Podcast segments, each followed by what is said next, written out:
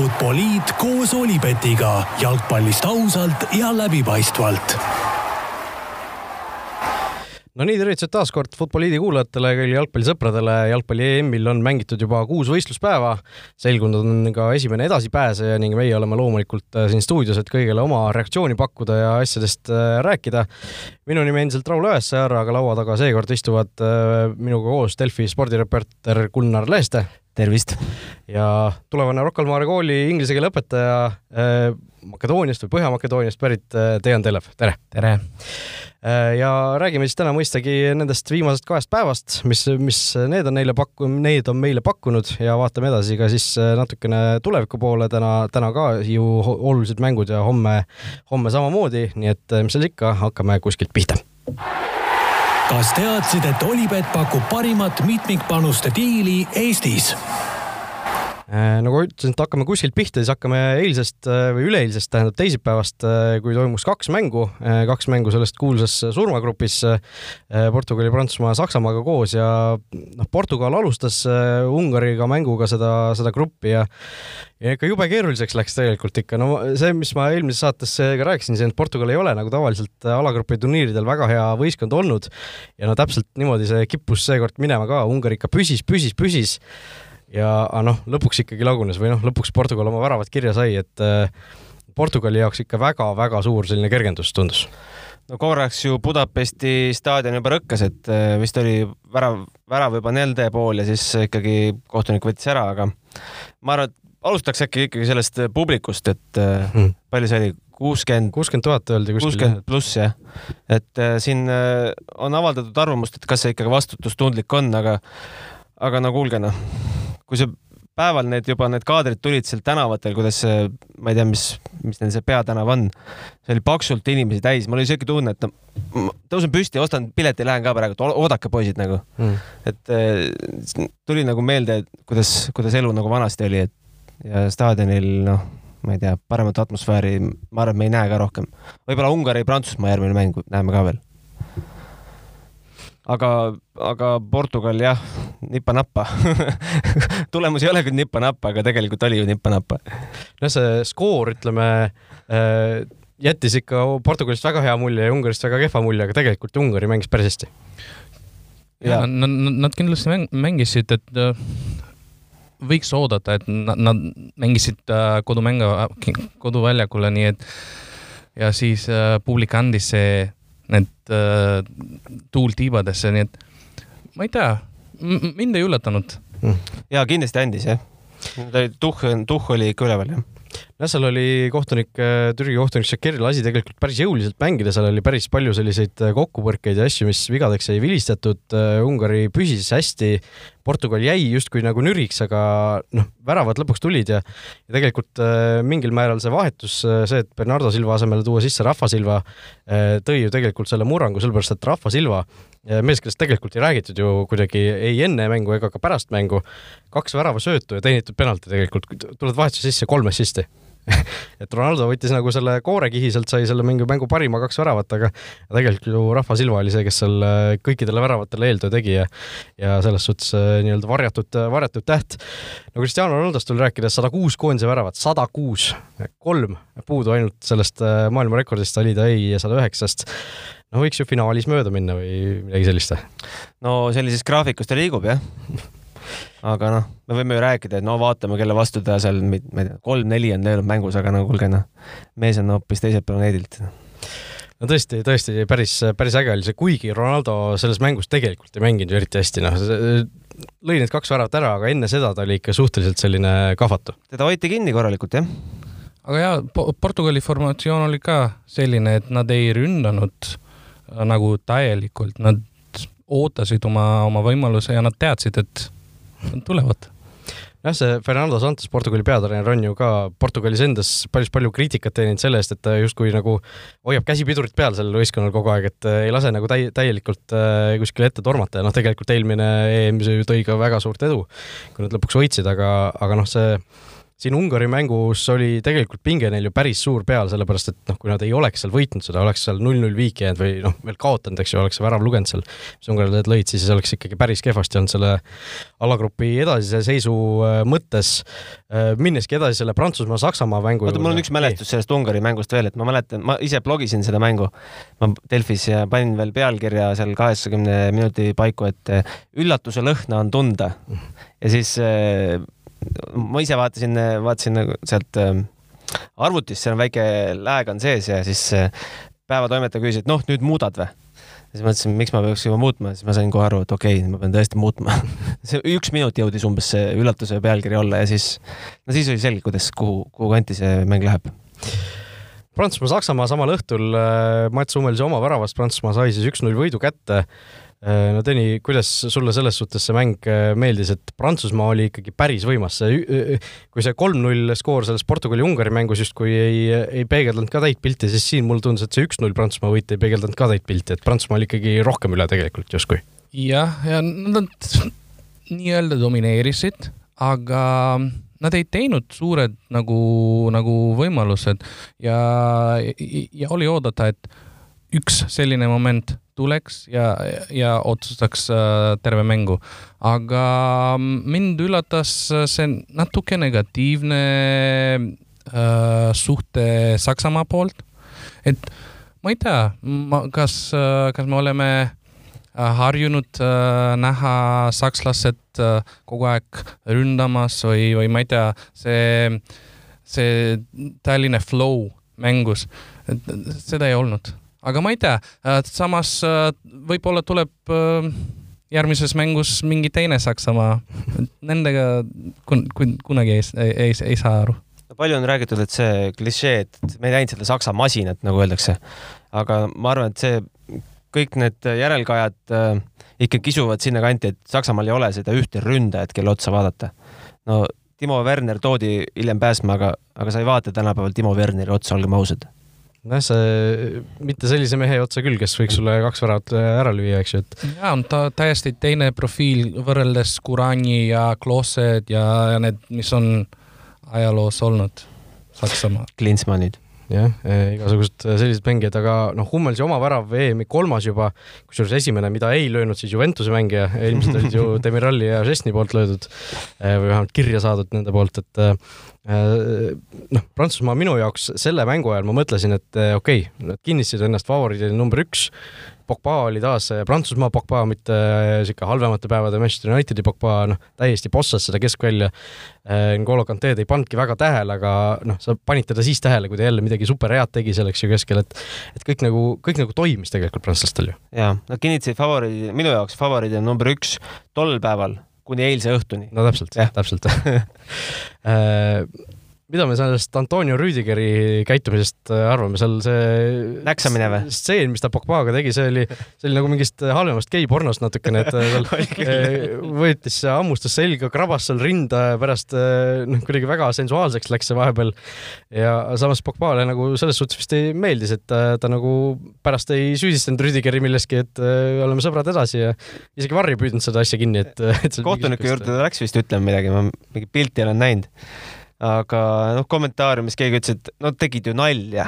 no ei, tegelikult ei tundunud väga naljakas, noh. no see ei olnud ka siuke Suarese hammustus, see oli siuke näksamine natukene võib-olla, et see nagu. ta, ta, ta vist, ta vist ei saanud aru, mis, mis tegelikult juhtus. ja võib-olla arvas, et näpistas lihtsalt.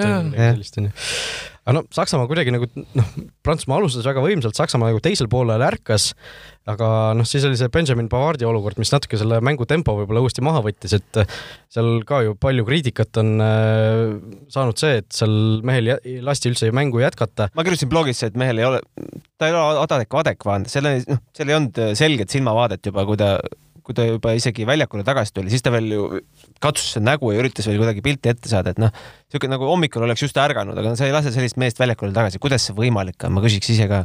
noh, seal oli, ma ise ka mõtlesin see, et kui Pavard pärast ütles ka, et oli mingi viisteist sekundit oli vist täiesti nagu meelemärkuseta, et noh, seal ju arstid teadsid seda pidid teadma ju, noh, see, seal ei olnud ju niimoodi, et nad tulid viis sekundit, Pavard oli juba üles ärganud, ei öelnud, ma olin täiesti audis, et et noh, sellest on nii palju räägitud viimastel aastatel. ma ei kujuta ette, kas siis peatreener ütleb, et ma ei tea, tehke see mees korda, mul on teda vaja või või noh, ma ei usu, ma ei usu seda. arstil peaks ju mingi eetika või mingi kutse-eetika ka siin kuskil kupli vahel olema, ma ei kujuta ette. aga no me oleme jalgpallis nii palju näinud seda, kuidas ja. tegelikult noh, me räägime, räägime, räägime sellest, aga ikkagi arstid lubavad ta tagasi platsile, et täiesti arusaamatu, et seal võiks mingi trahvi väänata küll.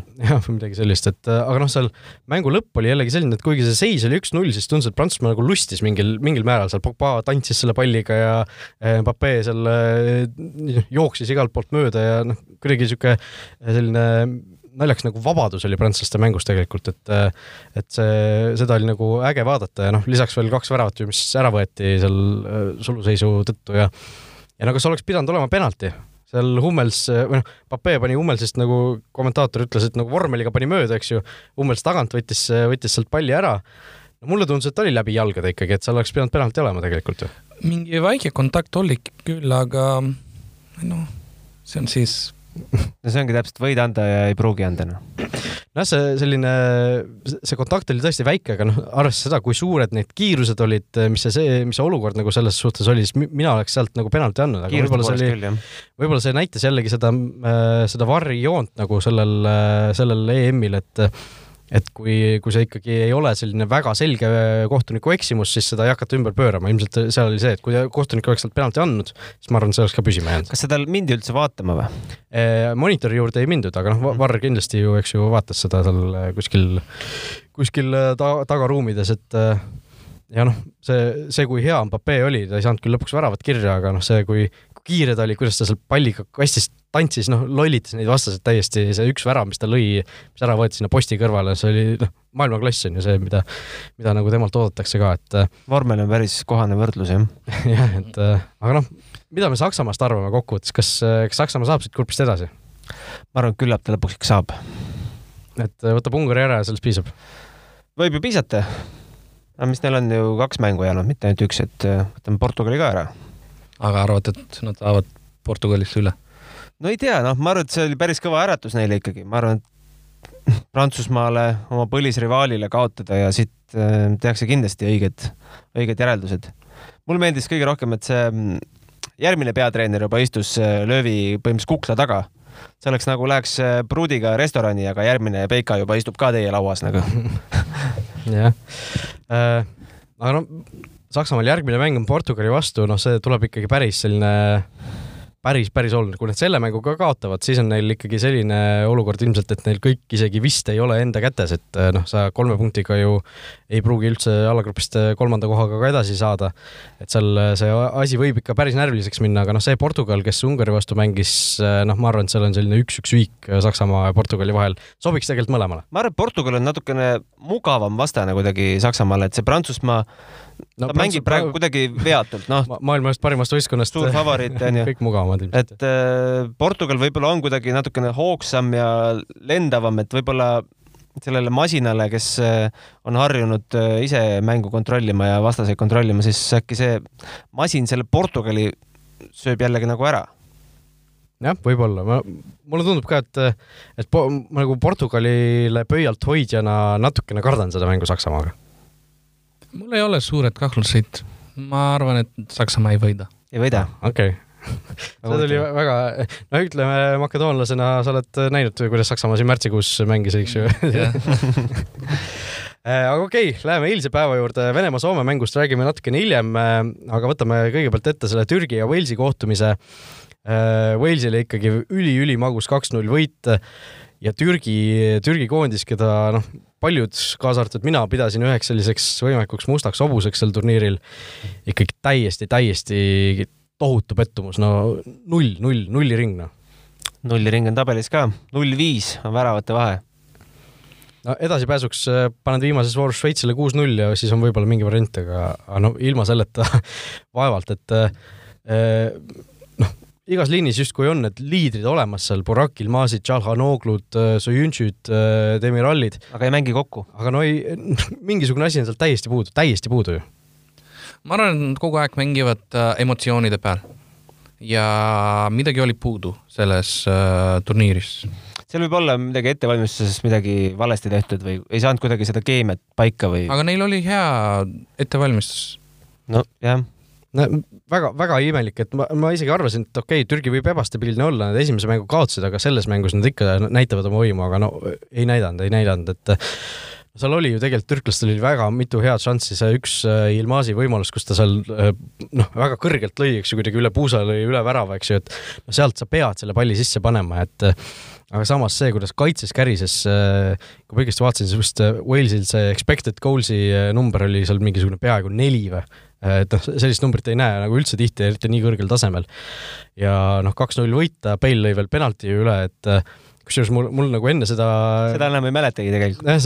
ma, ma olin nagu Türgi poolt selles mängus äh, ja siis, kui see penalti tuli, nägin, et Bale hakkab lööma, siis mul ei olnud mit, mitte mingisugust kahtlust, et Bale lööb sisse mm. -hmm. aga, aga täiesti, täiesti ootamatult kuskile taevasse. eks ta tajus ise ka, et tal on see, pilgud on tema peale, nüüd on tema võimalus, noh, kogu aeg on ju teised mehed löönud, noh ja noh, Aaron Ramsil esimesel poolel juba kaks superšanssi luhatud, aga ikka lõi ühe sisse, eks ju, ja ja, ja lõpus, lõpus, mis mulle Walesi puhul meeldis, oli see, et kui tavaliselt eh, noh, meeskond lähevad seda aega sinna nurgalipu juurde tapma, eks ju, siis nad, eh, Wales ka nagu tegi selle näo, et nad lähevad ja siis järsku Bale umbes pööras ümber ja, ja läks väravat ründama kaks korda järjest, kusjuures niimoodi onju, et ja lõpuks see värav ka niimoodi tuli, et ma ise olen ka sageli mõelnud, et et kui sul on nagu noh, täiesti lähed üks-ühele põhimõtteliselt väravavahiga, siis vist pöörad ära nagu selle nurgalipu juurde, et mine löö see teine värav ära, on asi, asi tehtud, onju, et et asi lihtsam, aga noh, seal oli ka muidugi, et see väravalööja vist ka, kui ma õigesti aru sain, siis ise ütles, et treenerid ütlesid talle, et ära mine kuskile, et tule tagasi, onju, aga läks ikka ette ja lõi värava ära, et keegi ei, ei köhi midagi enam ja ja no Türgil ikkagi lõpus puhtalt sellise frustratsiooni ja meeleheite pealt, et noh, seal noh, mänguliselt ikkagi laguneti, okei okay,, kaitses ei saadud, ma ei tea, viite taha, aga aga ikkagi see sellist mänguplaani enam ei olnud, seal pandigi, nagu sa ütlesid ka, emotsiooni pealt lõpuks lihtsalt, et noh, midagi äkki tuleb ära, aga ei, no ei tule. Ma ei tea, kui palju vahetusi Türgi esimeses mängus tegi, aga siin nad kasutasid küll kõik oma viis ära, see näitab, noh, et ei ole nagu sellist võib-olla sellist tuumikut võib-olla välja kujunenud, kellega nagu, nagu teeks midagi. et juba hakkasid seal poole ajal otsima kaks vahetust korraga, noh ma ei saanud ka sellest aru, et miks Demiral alguses pingile jäi, kas seal oli mingi põhjus, mis mul kahe silma vahele jäänud, ei, mõlemad raputavad pead siin. ei, ei jälgi tegelikult Türgi meediat ka, pean ausalt olema. Aga no Türgi minu jaoks selgelt selle turniiri absoluutselt kõige suurem pettumus seni või on, on kellelgi midagi veel kõrvale panna? siiamaani jah. siiamaani ei ole, ootame teised mängud ka ära. just äh,. Itaalia-Šveits eile õhtul, nagu eile siin kun- või e e e selle Prantsusmaa-Saksamaa puhul Gunnar mainis ka, et et kuni eilse õhtuni tundus, et Prantsusmaa on soosik number üks, aga Itaalia teine kolm-null võit järjest. Äh, noh, ma ei ole siin seda klippi küll välja lõiganud, aga eelmises saates äh, Joeliga rääkisime, et et noh, et Itaalia-Šveits, et järjekordne kolm-null või, ja siis mõlemad nõustusime, et täpselt nii ka läks lõpuks. see oli kõige populaarsem panus ka üldse. et äh, no Itaalia ikkagi fantastika no mitte midagi ei saa öelda tegelikult ju, mitte midagi. või on kellelgi, mis, mis on Itaalia nõrk koht praegu? no kui sa, kui sa räägid, äh, kui sa võrreled Türgiga, kõik liinid Itaalias töötavad ja, ja see keemia on, on, on nähtav. et ma ei tea, kas see on Mancini tööd tehtud või kas äh, sõltub see, et nad kõik mängivad Serie A-s ja nad tunnevad selle süsteemi ära. aga ma ei, ma ei, ma ei näe, hetkel ei ole nõrga kohta. tundub, et Mancinil on päris suur roll. ma arvan, et kõik need asjad kokku teevad no, äh, ma hakkasin eile mõtlema ka, et kes on Itaalia parim mängija praegusel platsil, noh, no ei ole ühte sellist äh, superstaari, kes tuleks äh, ainult tema pealt teeks mängu, et seal sa vaatad nagu..., kes eile kaks väravat lõi. nojah, Locatelli lõi kaks, onju, aga kas oleks enne turniiri öelnud, et Locatelli saab olema parim mängija, ei, ei oleks nojah, aga Locatelli võib-olla selles mängus lõi kaks, aga järgmises mängus ta ei pruugi lüüa, et, et seal no ei ole sellist. Insigne või, või Immobile jälle no, ta, või. täpselt, seal on, seal on, see võistkond on nii nagu ühtne või nii sügav ja nii tugev, et kuidagi nii ühtlane. et see, see on üks Itaalia võib-olla suurimaid trumpe ka, et seal ei ole nagu sellist asja, et kui keegi ära kukub, siis on, siis on kõik, et. kõik algab kaitseliinist. noh, Keleni muidugi kukkus nüüd ära, eks ju, aga noh, mängu ju tegelikult ei, suuresti ei mõjutanud, et äh, loodetavasti ta nüüd on piisavalt terve, et saaks äh, edasistes faasides ka osaleda, aga aga noh, see Kellini värav võeti seal alguses ära. Gunnar, sina Twitteris vist äh, olid. olin, mul oli see soo-, Pohjanpalu pettumus oli veel all ja siis äh, ma kirjutasin, et, et kas te mäletate oma lapsepõlvest seda hetke, kui te panete, nuiate emalt jäätise välja, saate selle juba sinna lindi peale panna, keel juba käib niimoodi nagu sellel äh, Ronaldinhol ühes AC Milani seal rivistusel käis. ja siis äh, siis ema ütleb, et me ei saa seda jäätist endale lubada. Mina ei, no ei olnud sellist asja, noh, kuna ei olnud varri ka. ma olen, äh, ma olen ausalt varri vastane. ma saan aru, ma olen, ma, ma nagu karjun nagu see Mart Helme seal ta, tagumises reas, et, et siin seda ei pööra enam ümber, aga, aga noh kes oleks arvanud, et seal käsi vilistatakse no,? mõtlesime, kas, kas offside või mis asi, aga, aga et käsi et kus, kas mingit teist mängu vaadati või noh, aga noh, lõpus. no tegelikult oli ju, tegelikult oli, tegelikult oli mõle, mõlemad käed isegi, kõigepealt läks vastu üht kätt, siis läks vastu teist kätt, et noh, sa sellist väravat ei saa. see oli nii nähtamatu noh. Äh, nojah, sest see oli mehe taga varjus, aga kaamerad näevad seda ja võeti ausalt värav ära, onju. seda küll. mina muidugi ei, mina, mina olen nagu endiselt varri pooldaja, minu arust see varr on sel turniiril ka suhteliselt hästi töötanud tegelikult et.... aga ta lõhub emotsiooni, noh no samas kümme sekundit sa ju arvad, et äh, Itaalia läks juba juhtima, kõik arvavad seda. minu arust see ongi nagu siuke lisadraama nüüd, et see ei ole nagu, ma vaatan nagu pigem nagu positiivsest küljest seda või kuidas, kuidas Tõnis sulle tundub? mul on samamoodi, et ma arvan, et nad äh, teevad õigeid otsuseid, aga samas nad võtavad äh, kohtunikult see autoriteet, see tunne, et kohtunik ei ole enam põhimängija seal väljakul, et nad löövad, ootame offside ootame äh,, nurgalöök ootame, võtab natuke ära, jah. noh, seal on mingid, mingid väravad, eks ju, mis nagu see Kellini oma oli ka, et kus, kus sul ei ole suluseisu teema, et kus sa, kus sa võib-olla ei ootagi, et see värav ära võetakse, eks ju, et et siin ju äh, kaks tuhat kakskümmend kaks MM-il äh, juba lubatakse, et on see suluseisu robot, mis, mis eks ju põhimõtteliselt teeb asja selliselt, et et äh, ta suudab sulle paari sekundi jooksul juba öelda, et kas seal oli suluseis või ei ole, et ta tõmbab noh, kogu aeg neid nii-öelda äh, piltlikult öeldes tõmbab neid joonlaudasid ja asju, et äh, ja annab abikohtunikule siis signaali, et kas oli suluseis või ei ole, et et mis tähendab siis seda, et sellist asja me ilmselt juba järgmisel MM-il ei näe, kus, kus on, kus on nagu praegu, et et kohtunik näeb, et on tegelikult suluseis, aga hoiab lipu all, laseb mängu jätkuda ja siis kümme sekundit hiljem tõstab lipu püsti, et see, sellised asjad peaksid ära peaks ta ära klaarima, aga noh, see Kellini värav, seda suluseisu robot ju kuidagi ei päästa, et seal on täpselt samamoodi, aga noh, Pohjanpalu puhul oleks ilmselt äh, see nii-öelda tähistamise emotsioon ära jäänud, onju. et, et selles suhtes see asi peaks minema paremaks, kusjuures suluseisu reegli kohta rääkides, siis FIFA ju ütles nüüd, et Lõuna-Ameerikas hakatakse testima seda Wengeri ettepanekut, ehk siis äh, äh mis tähendab seda, et äh, suluseis oleks äh, või noh, suluseisu ei oleks kui ükskõik milline ründaja kehaosa on mõne kaitse kehaosaga sama, samal äh, joonel või noh, sama, sama, sama liini peal, ehk siis kui ütleme, ründaja keha on näiteks äh, ees, noh, ma näitan siin äh, kätega, et need mu sõrmed on jalad, sinnapoole ründab ja kaitse on niimoodi, siis ei oleks enam suluseisu mis, mis annaks ikka ründajale väga suure eelise, ma arvan, et see on liiga suur eelis, ma arvan, et seda lõpuks kasutusele ei võeta, aga noh, see, seda on ka põnev jälgida tegelikult, mis sellest saab. Inglismaa räägitakse, et nad võtavad mingid paksu, paksemad äh, jooned ka. jah, no see üks, üks variant ka tegelikult oleks, oleks ju see, et, et sa mitte ei joonista kahte joont, vaid joonistadki ühe joone, sa võtad kaitse näiteks selle viimase mingisuguse kehaosa järgi, paned sinna selle paksu joone, noh, nagu siin mingi jutt oli ka, ja siis, kui noh, ründaja ei ole sellest joonest üle kuidagi, siis noh, ei olegi suluseisu et reeglites on ju tegelikult kirjas see, et, et ründaja ei tohi olla eelviimast kaitsest eespool või tähendab, ta võib olla samal joonel aga noh, praegu meil sedasama joont ei ole, sellepärast et meil tõmmatakse need asjad nagu nii peeneks, et, et seal ei ole, ei saagi olla. no Pohjanpalul oli lihtsalt, ma ei tea, pool peanuppu või palju tal oli, et see, see on paratamatus, et ründajal on ju alati pea eespool, kui ta nagu sinna palli, seda liini taha minevat palli läheb ründama ja kaitse on ju alati seljaga värava poole, et noh, tõmba siis pea taha või noh, sa ei saa, peab õppima, ka ründaja peab õppima uusi mingeid võtteid, kuidas joosta või ma ei kujuta, noh. jah, tuleb otsustada, kas äh, sõrm või, või nina või midagi annab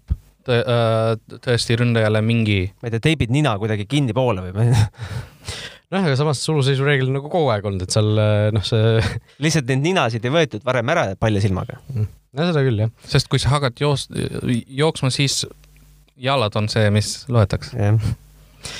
noh, Itaalia ikkagi on siis number üks favoriit praegu või? mulle tundub küll. mul ka no, ma pole vaadanud seda bracket'it, kas äh, Itaalia ja Prantsusmaa teoreetiliselt saaks ikka finaalis kohtuda või mis selleks peaks juhtuma? seal on, äh, oleneb sellest, äh, mis kohad keegi grupis saab, seal Prantsusmaa võib ka ju veel teiseks või noh. nagu mõlemad tõenäoliselt võidavad oma grupi. siis, siis, siis vist väike kandepaus, ma vaatan et, selle üle. noh, tennises oleks selge, et Itaalia ja Prantsusmaa oleks finaalis, et esimene-teine asetus, aga aga siin see loosimine vast ei soosi seda äkki Äh, nii, vaatame, ühesõnaga meil on, eks ju, A-grupis on Itaalia, kes läheb siis sinna ülemisele poolele ja F-grupp on või? Makedoonia vastu, jah. Äh, ja F-grupp oleks, nad saaksid, äh, poolfinaalis saaksid kokku. no siis poolfinaal peetakse juba seal ära okei okay., kui, kui läheb niimoodi, kui läheb niimoodi. Aga samas Itaalia puhul mul on jällegi selline tunne, et kas mõni võistkond on lõpuks kas EM, EM või MM tiitli võitnud niimoodi, et nad võidavad esimesed kaks mängu grupis kolm-null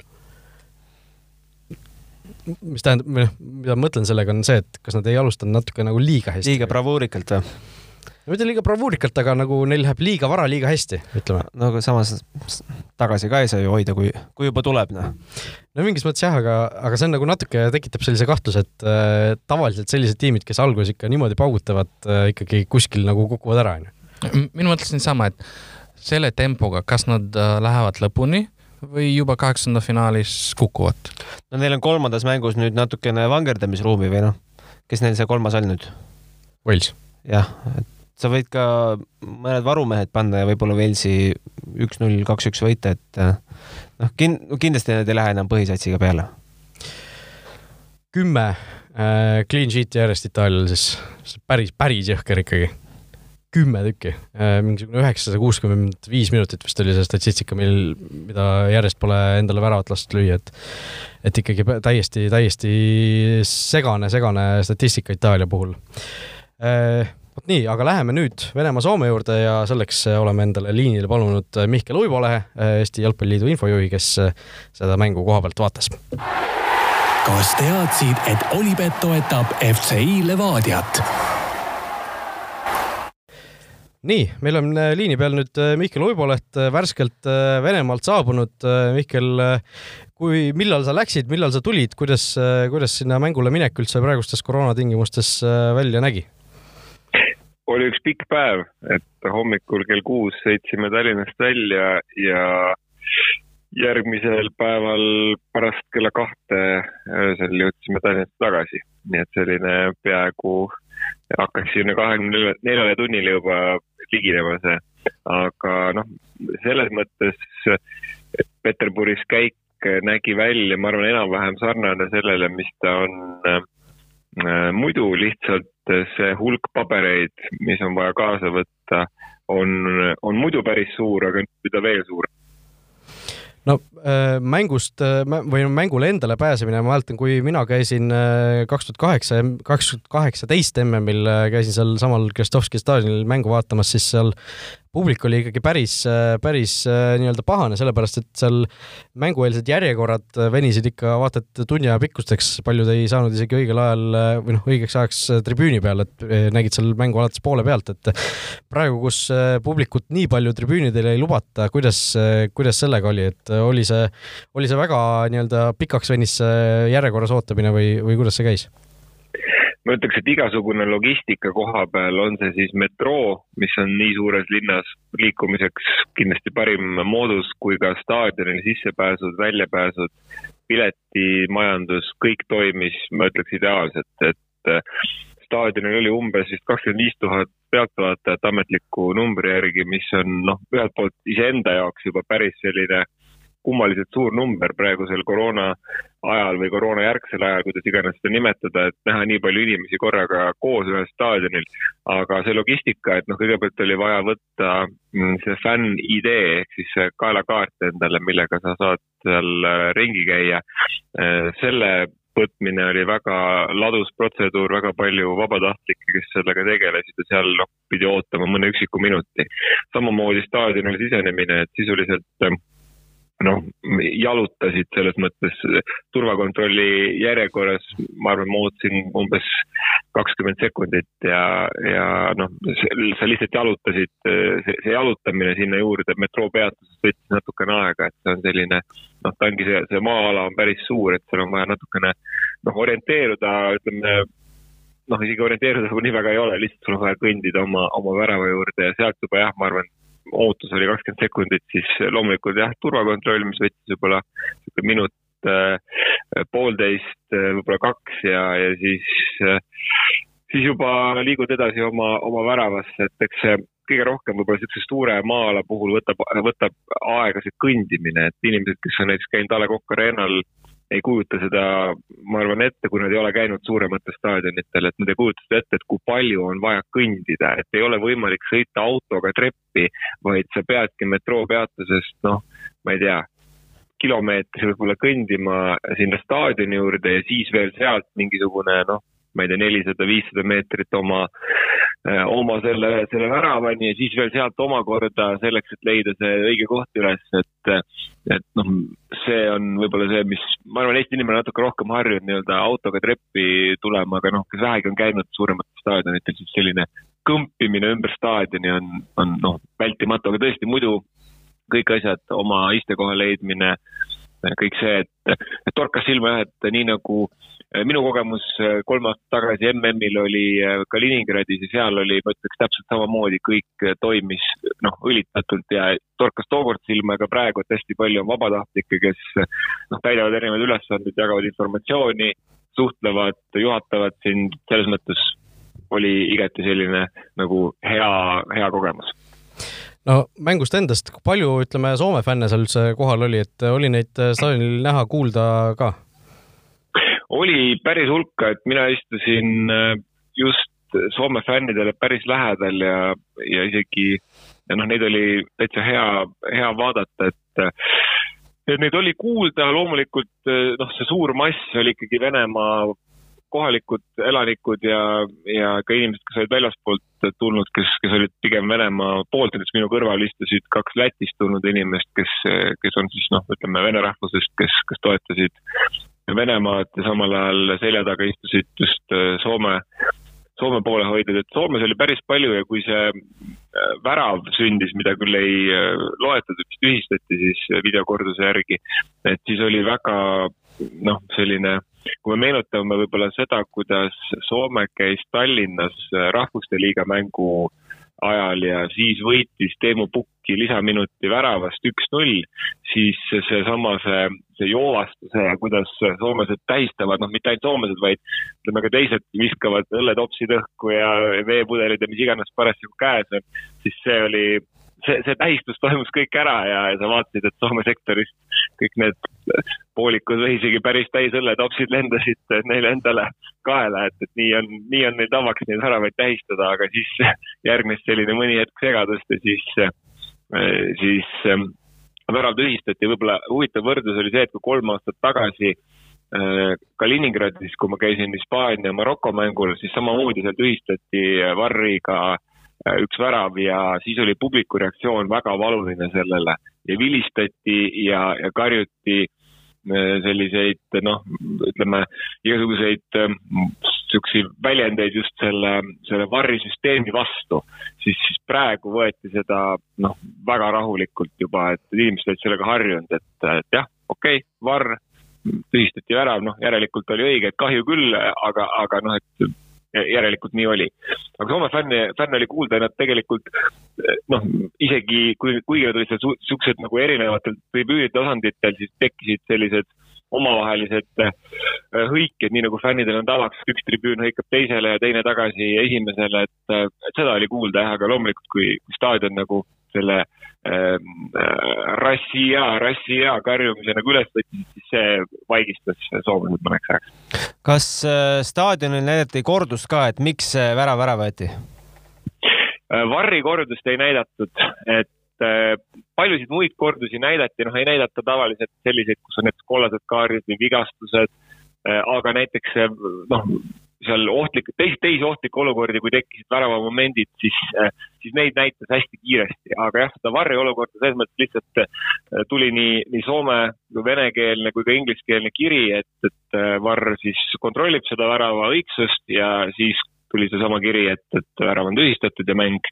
mäng läks edasi, et ma olen, ma ei ole veel jõudnud seda videost järgi vaadata, kuna see reis ja see päev oli eile päris pikk, aga, aga, aga ma, ma sain aru vähemalt, et see ei olnud nagu nii selge suluseis selles olukorras, vähemalt ma olen niimoodi kuulnud, aga, aga ma ei tea, te olete kindlasti juba, juba seda äh, nii-öelda edasi-tagasi kerinud, et, et, et võib-olla noh, ma ei, ma ei tea isegi, kuidas see, see juhend ette näeb, et kas muidu näidatakse neid varjuotsuseid või, või, või pigem ei näidata, et ma, ma isegi arvaks, et võib-olla pigem neid varjuotsuseid ei näidata, kuna seal võib alati olla sellist väikest tõlgendamisruumi, eriti noh, need käega mängud potentsiaalselt ja muud taolised noh, eks see suluseis suhteliselt napp seal oli, aga ütleme mängulisest poolest rääkides, Venemaa sai lõpuks üks-null võidu seal äh, Aleksei Mirantšuki väravast. Äh, fantastiline värav muidugi, need kiired puuted, selline äh, kaval löök sinna, selline väga modernne värav, võiks öelda, et selliseid asju oleme viimastel aastatel üha rohkem näinud, aga aga kas Venemaa jäi selle üks-nulliga rahule selles suhtes, et ega nad ju väga noh, liiga hästi tegelikult ei mänginud kokkuvõttes? jah, ega noh, need muljed ka pärast mängu, kui suhtlesin ütleme, selle kohalike jalgpalliinimestega, siis nende, nende mulje oli selline, et noh, et okei okay,, saime selle võidu siin nüüd kätte, aga tegelikult noh, me kaotame kindlasti Taanile ja meie tee sellega lõpeb siin finaalturniiril, et see oli nagu nende selline meelestatus. et ei, ega nad noh, väga rahul ei olnud seal keegi sellega, et noh, jah, et kolm punkti küll, aga, aga noh, pigem oli see küsimus, et kas me peame Soome vastu nii palju, noh, nii õnnelikud olema selle kolme punkti üle, et, et noh, tegelikult mäng oli jah selline, et sealt oleks võinud, noh, Venemaa tundus nagu staadionil olles ikkagi natukene nagu kindlam ja selline, et, et noh, pigem, pigem tuleb sealt, et Soomel ei, ei olnud nagu seda jõudu. aga, aga noh, see, see vahe ei olnud kindlasti noh, mitte mingisugune katastroofil, et seal oleks võinud ka, ka see viigiga lõppeda, aga, aga jah, et venelased, noh, nad uhked loomulikult omad võitsid, aga, aga sellist mingit suurt eufooriat seal küll ei olnud, pigem jah, niisugune rahulik ja ma arvan ka realistlik tõdemus, et ega neil selle mänguga, mis nad on seni, senimaani kahes mängus näidanud, neil pikka pidu ei ole noh, seal, kui edasipääsu peale mõelda, siis äh, Soome variandid, noh, neil see üks-null võit on kirjas, nüüd on üks äh, null-üks kaotus ka kirjas. et äh, viimane mäng Belgiaga kindlasti on määrav. kui Belgia nüüd suudab täna Taanit võita, siis noh, eelmisel MM-il me nägime ju, et Belgia viimaseks alagrupi mänguks pani täiesti teise koosseisu välja, et et võib-olla mingisugune variant seal isegi Soomel on see kuskilt see viigipunkt kätte saada, et kui nad viigi saaksid, siis nad põhimõtteliselt on juba edasi, onju. et jaa ja see, see, see variant on ja selles mõttes, eks soomlased ise ka nagu noh, pärast tribüünidel kuuled ikka, mida, mida seal räägitakse kõrval, et, et noh, nad, nad mõtlesid ka sedasama just, et mis Belgia, mis seisus Belgia on enne viimast mängu, et kui Belgia on selles seisus, et neile viigist piisab eh, või noh, ütleme, neil ei ole vaja väga pingutada seal, et nad on juba kaks võitu kätte saanud ja sisuliselt noh, tagantki endale esikoha, onju. et, et, et mis siis võiks saada, et aga, aga noh ütleme, pigem ka soomlased olid sellised, noh, ma arvan, et, et nendel see fina-, esimest korda finaalturniiril olemine ja see, et nad juba on ühe võidu saanud, kolm punkti kirjas, et see, noh, see rõõmutunne on, noh, see ületab nagu kõik, et et, et, et noh, neil, no loomulikult süües kasvab isu ja ei saa öelda, et neil ei oleks vahet, nad saavad edasi või mitte, aga noh, nad võtavad sellise noh, põhjamaise rahulikkusega seda, et, et okei okay,, meil on mingid variandid, proovime, aga noh, kui ei tule, siis ei tule olgu nii, loodame siis, et Soomel see viimane mäng läheb hästi. aitäh sulle, Mihkel, kohapealsete muljete jagamisest ja, ja eks, eks mine nüüd võib-olla tagasi magama, et saad, saad välja puhata ennast ikkagi puhkuse ajal, et äh, tänud sulle ja, ja loodame siis, et Soome saab edasi. aitüma vutiviikendi parimad kohvid leiad Olipetist. nii, räägime edasi nüüd äh, sellest, mis, mis meid veel EM-il siin lähipäevil ees ootab. Äh, täna kolm mängu ja esimene kohe, Tõni, sinu jaoks ilmselt kõige, kõige põnevam Ukraina, Põhja-Makedoonia no kas äh, makedoonlased suudavad äh, midagi siin äh, veel korda saata, et see avamäng Austria vastu oli ju noh, paberi peal kõige suurem võimalus ikkagi, no sealt peab need punktid ära võtma, aga väsiti ikkagi lõpus täitsa ära. kas Ukraina vastu tullakse sama mänguplaaniga peale? no nad on natuke sarnased äh, meeskonnad äh,, ei ole, ei ole nagu pikk äh, ping, ei ole varumängijad, kes võiksid nagu mängu täielikult muuta. Nii et oleneb äh,, kes, kes skoorib esimesena mis sinu ootused tänasele mängule selles suhtes on, et äh, kuidas, kuidas ütleme, sina põhjamakedoonlasena äh, seda mängu ootad, kas see on, äh, on selline optimism, on see pessimism, on see selline, et noh, tuleb, mis tuleb? ettevaatlikum. ettevaatlikum ütleme nii, et äh, on optimism nagu kõik makedoonlastele, aga samuti me teame, et kui Ukraina lööb esimesena, siis on, on raske. Sest me, me nägime, et nad oskavad äh, kaitsta ja Makedoonia ei suuda nagu üheksakümmend minutit sama tempoga äh, rünnata, nii et kuidas Makedoonias see esimene mäng vastu võeti, et äh, üks-kolm kaotus, kas tambiti pressis, ütleme, meeskond mutta või, või oldi selles suhtes rahulikumad, et äh, nii, niigi hea, et me siia, siia jõudsime, et läks, läks nii? Nad on kangelased, nad jõudsid siiani, nii et äh, ei ole selline asi nagu kaotus nüüd kõik, kõik, mis, mis me võidame, kas värav või punkt või kolm punkti, kõik on võit.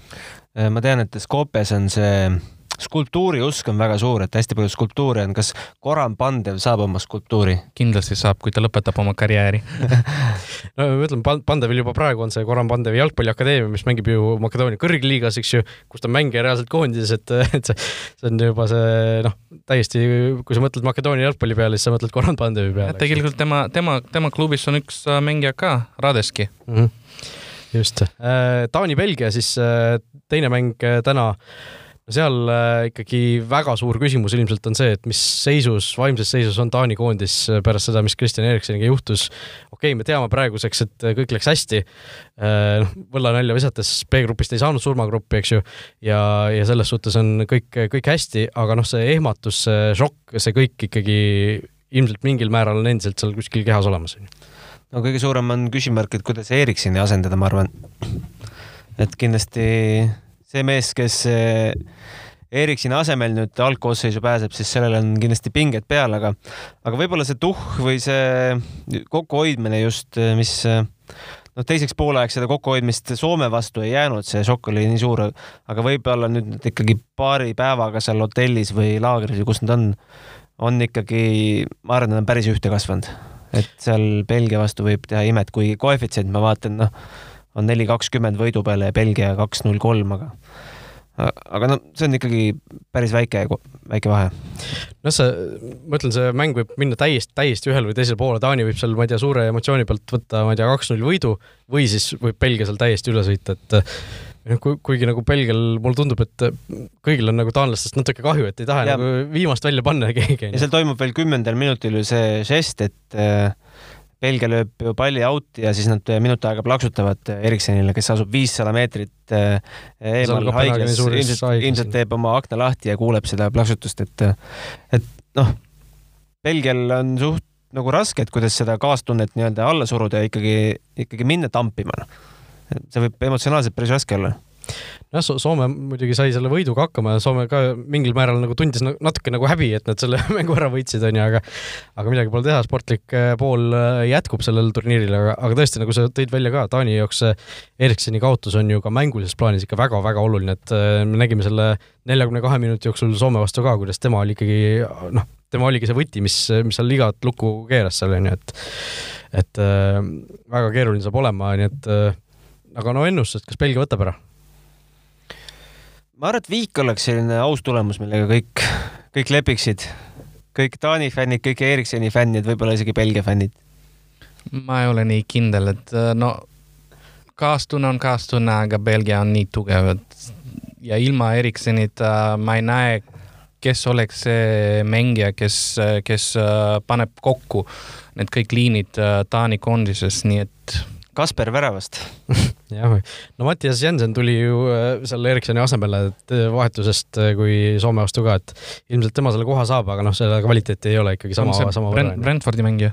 jah, vist küll, et tõusis just Premier League, et aga noh, seal Taani ja Belgia, no sa ütlesid ka, see koefitsient, Belgia koefitsient seal kahe kandis, et minule tundub see ikka väga-väga hea pakkumisena, et et Belgia ilmselt võtab ära Holland-Austria hilisõhtul täna no Holland oli avamängus selline noh, nii ja naa, eks ju, et eh, lõid küll kolm väravat, samas lasid endale kaks tükki lüüa. Austria makedoonlaste vastu suutis ka selle võidu lõpuks ära võtta, kuigi seal ise ka vahepeal ehitati endale see Pandevi värav oli ju noh, tõeline kaunitamine jutumärkides, et äh, nagu Hollandi puhul jällegi neid küsimärke on endiselt päris palju üleval. kas me saame mingisugused vastused neile? ma arvan, et vastane lubab neil natukene mängida ka oma mängu rohkem kui võib-olla Ukraina lubas. kuigi no Ukrainalt eeldad ka, et äh, väga suurt vastupanu Hollandile ei ole, aga aga mäng näitas hoopis midagi muud. ei, niisugune tunne, et Holland nüüd võtab kokku ennast. nad said ka aru, et neil kuskilt ikka lekib päris korralikult, et äh, vast saavad ikka ainult kaitse korda. Austria näitas, et ei ole mingi suur kvaliteet äh, tiimis peale Alabat ja Sabitserit. et kui Holland suudab äh, neid kinni panna, siis ma arvan, et ei ole äh, suurt probleemi, aga viik on hea, hea tulemus mõlemale meeskonnale, nii et. noh, eriti Austriale, eks ju, kes põhimõtteliselt saaks juba selle, selle kaudu edasi. Austrial üks mees vähem üks mees kannab mängukeeldu, Arnautovitš. räägiks sellest värava tähistusest ka. Võib-olla sellest Tõnis saab rohkem meile seda tausta avada, sellepärast et seal oli ju äh, Alioski, kellel on, eks ju, Albaania ema vist äh.. Alioski on äh, sündinud Makedoonias, aga äh, vanemad on Albaania juurtega. Ja siis ta kolis äh, Šveitsi, kui ta oli väike, neli, nelja-viie aastane. Ja Arnautovitš ta, tal on äh, Serbia juurtega vanemad ja tema nimi tegelikult äh, türgi keeles äh, Arnaut on türgi keeles albaanlane. Nii et see oli natuke segane tema poolt, aga noh, rassism ei, ei tunne sellised piirid. No igatahes ma olen niimoodi aru saanud, et ta Aljoskile ütles umbes, et ma no, teen seda sinu albaanlasest temaga. jah, aga see, aga ta ei kasutanud sõna albaanlane niimoodi, nagu meie kasutame, vaid mingisugust sellist äh, sõimusõna, umbes nagu eesti, eestlased äh, ütlevad venelaste kohta tibla või midagi sellist, onju. jah, täpselt nii. midagi võrreldavat, onju. ja siis äh, naljakas oli see, et ta ütles, et ei, ma ei ole rassist, aga, aga ma vabandan kõigi ees, onju, et mille eest sa siis vabandad, et äh, mis, mis see, mis see point oli, igatahes selline naljakas ühemänguline keeld talle anti, et äh, kui ta oleks nagu päriselt midagi väga rassistlikku öelnud, mida oleks saanud tõestada, siis oleks ilmselt see keeld ju pikem olnud. aga kui ta ise poleks tunnistanud, kas keegi oleks siis aru saanud? no ma ei tea. räägin, see värava tähistus oli küll jube imelik, seal käis mingi karjumine, omad mehed karjusid tema peale, tema karjus vastasmängijate peale aga, aga kui ta ise poleks sellest rääkinud, ma arvan, et keegi poleks torkinud. Serbia meedia juba tõlkis ära. tõlkis ära, jah väga, väga kummaline olukord igatahes jah, Austrial Arnautovitši täna kasutada ei ole äh,. homsed mängud kiirelt äh, Rootsi-Slovakkia, Rootsil äh, noh, punkt äh, Hispaaniaga on käes ja nüüd tuleb Slovakkialt ka ikkagi need punktid kätte saada, sellepärast et Slovakkial noh, see suur pinge on maas selle esimese võiduga äh,. midagi selle mängu kohta veel öelda, kas Aleksander Isak lööb värava? lööb, lööb, lööb. Jaa, muidugi lööb. sa vaatad neid homseid mänge, sa tegelikult vaatad neid kolm mängu, aga sa näed ainult ühte mängu. nojah äh,, Horvaatia-Tšehhi, eks ju. ei, see ei ole see Horvaatia-Tšehhi kohta muideks on meil Olibeti küsimus, kuulaja küsimus seekord äh, ja, või tähendab, e-, eelmise, eelmise saate kuulaja küsimus, nii et kuulake sealt see üle äh,. sel, seekordne kuulaja küsimus tuleb ühe laupäevase mängu kohta, selleni veel jõuame äh,. Horvaatia-Tšehhi ja Inglismaa-Šotimaa on see siis äh, homme õhtune maiuspala äh, no kumb? noh, kui sa KF-i vaatad, siis vast Inglismaa, aga, aga no ma ei tea, noh. Šotimaal on ka kindlasti natukene tõestamist. nojah, mulle tundub kusjuures, et Šotimaa võib sealt midagi kätte saada. kindlasti viik, viik võib saada, võib saada, sest no need, siin ei ole kvaliteedi küsimus, nüüd on täiesti emotsiooni peale ja kuna Inglismaa mängib kodus, no anname neile natuke eelistust. Teil võib-olla ei ole koefid silme ees, mul on, et Šotimaa kümme. jah. ma pole sellist koefitsienti sellel MM, EM-il veel näinudki. seal jah, natuke üllatavalt palju on need asjad Inglismaa kasuks, arvestades seda ka, et Inglismaa see avamäng oli nagu ühelt poolt oli kindel, samas seal oli ka nagu selliseid äh, kergeid ta ei olnud nii kindel kui Prantsusmaa üks-null. no täpselt, täpselt onju. aga noh, Inglismaa-Šotimaa puhul noh, see rivaliteet, sellest on palju räägitud, see, see on paljudele tuntud, noh, kõigi aegade kõige esimene rahvusvaheline mäng oli Inglismaa-Šotimaa vahel ja nad mängisid ju tegelikult iga aasta, neil oli traditsioon, põhimõtteliselt iga aasta mängisid kuni aastani tuhat üheksasada kaheksakümmend üheksa. ehk siis äh, põhimõtteliselt sada aastat mängisid iga aasta omavahel kevadel ühe mängu. ja, ja see head to head on? Äh, see on Inglismaa kasuks, aga umbes, kui ma õigesti mäletan, äkki nelikümmend neli võitu Inglismaa, nelikümmend üks Šotimaa ja mingi kakskümmend midagi viiki, et, et see tegelikult ei ole üldse nii palju Inglismaa kasuks, kui võiks arvata ja noh, seal kuna need äh, lõpuks läksid need äh, mängud äh, just fännide käitumise mõttes väga inetuks, olid mingid kaklused, asjad, siis lõpetati see asi ära. pärast seda on siis kohtutud üheksakümmend kuus EM-il, samamoodi Wembley'l, samamoodi, eks ju, Inglismaal ja siis oli see, kui Paul Gascoigne selle tõstis kaitsest üle ja lõi selle värava, on ju, millest on ka siin EM-i eel palju räägitud. siis kaks tuhat aasta äkki oli, jah, äkki oli üheksakümne üheksanda aasta lõpus, sügisel mängiti kahe tuhandenda aasta EM seda play-off'i otsustavat, äh, kes saab, kes saab EM-finaalturniirile, selle võitis Inglismaa. Ja pärast seda noh, ikka suhteliselt harva on kohtutud, seal kaks tuhat kolmteist ja neliteist vist äh, peeti ühed sõprusmängud, aga noh, seal millega ma tahan jõuda selle või kuhu ma tahan jõuda selle jutuga, on see, et kui palju üldse praegused Inglismaa ja Šotimaa koondised võib-olla sellest suurest rivaliteedist üldse teavad midagi, et nemad ju ei mäleta neid mänge, mis kunagi ammu peeti iga aasta. Seda mitte, aga see rahvuste rivaliteet ja see nagin omavahel, see on ikka alles, ma arvan, et ma loodan, et sealt tuleb fifty-fifty publiku poolest, aga ilmselt natukene rohkem on ikkagi inglasi. aga see, ma ei tea, sa oled ka Wembley'l käinud, et eh, Wembley staadionil seda parkimisplatsi, kus pärast kakelda, seda, seda nagu jagub. ja nurgataguseid ka, sa võid minna ühe maja nurga taha, seal on sellised kitsad koridorid seal hotellide vahel, et neid kohti, kus eh, maadelda, neid, neid jagub kas näeme fännide vahelist kaklust ma arvan, et näeme, no kuule, ei ole võimalik, et ei näe noh. Äh, no igatahes see. seal, ma arvan, kui politsei targalt tegutseb, siis ei näe nojah, seal ilmselt ikkagi võetakse päris korralikult ei lasta šotlasi, ei lasta šotlasi välja, ma ei tea, kolm tundi või? peab ikka jälgida Covidi regulatsioonid. Ei lasta šotlasi metroo peale näiteks. Jäetakse siis staadionile üleöö. Äh, ja laupäeval ka kiirelt äh, Ungari-Prantsusmaa äh, on siis mäng, kus Prantsusmaa peab kindlalt võidu ära võtma, seal muud ilmselt küsimust pole. Portugal-Saksamaa, see, mida enne siin, millest enne siin ka põgusalt juttu oli, see mäng noh, Portugali ja Saksamaa mõlema jaoks on ikkagi päris oluline, Portugali jaoks võib-olla natuke vähem, kuna neil on see üks võit kirjas, aga sakslastel on tõestamist küllalt. ja õhtul hilja Hispaania-Poola ja Hispaania-Poola kohta on siis meil seekord äh, kuulaja küsimus ja kuulaja küsimus on selline, et mitu kollast kaarti selles mängus jagatakse, kõik äh, saavad oma pakkumise teha siis Olipet Estonia Facebooki lehele viimase Futboliidi postituse alla ja see on päris hea küsimus, sest Hispaania ju tahab tiki-taka teha ja Poola ei taha lasta neil tiki-taka teha. Et ma arvan, et see on seda kossi panemist ikka näeme, kes see kohtunik on? no kui Poola puhul on Krekoviak äh, on väljas, eks ju, punase kaardiga, tema ei saa, tema ei saa end teha. Äh, vot kohtuniku küsimus on hea, ma praegu ei, kiirelt ei, ei leia seda, võib-olla ei ole veel määratud mm, -hmm. kuigi tegelikult vist peaks olema juba. Poolal ka ju natukene tõestamist, et no, Poola oli nii kehv selles avamängus, ma arvan, et nad ei saa hakkama siin Hispaania vastu, ma arvan, et siit tuleb Hispaania niisugune kaks-null. tõenäoliselt jah. no kuna Rootsi mängis hästi vastu Hispaaniat, ma, miks mitte, Poolat ka? no ma jällegi arvan, et Rootsi on nagu selline distsiplineeritum ja selline mm, organiseeritum see kogu võistkond, et Poola see avamäng oli ka selline noh, neil nagu midagi väga selgelt jäi puudu kuskilt, et, et ma arvan, et seal noh, kui nad Slovakkiat juba ei suutnud seal alistada või isegi viiki välja võtta sealt Hispaania vastu, ma arvan, et neil läheb ikka väga raskeks, et et äh, minule Poola, Poola võistkond üldse ei jätnud mingisugust erilist head muljet. millal see Slovakkia ise mängib üldse? Slovakkia ise mängibki ju äh, homme juba äh, selles äh, Rootsi vastu mängus, mis, mis me enne rääkisime, vot nii äh, no nii, uus Futboliidi saade tuleb siis äh, pühapäeval, kui kõik võistkonnad on kaks mängu äh, ära mänginud, nii et siis saame ka uue selle Power Rankingsi kokku panna aitäh, Gunnar, aitäh, Tõni, et äh, siia täna tulite, aitäh Mihklile ka, kes, kes meiega telefoni teel ühendas, ühendus. nii et äh, mis siis ikka, paneme täna selle joone alla ja ootame juba siis Ukraina Põhja-Makedooniat, mis on siin umbes viie tunni pärast juba. põhimäng täna. põhimäng, muidugi. võidame.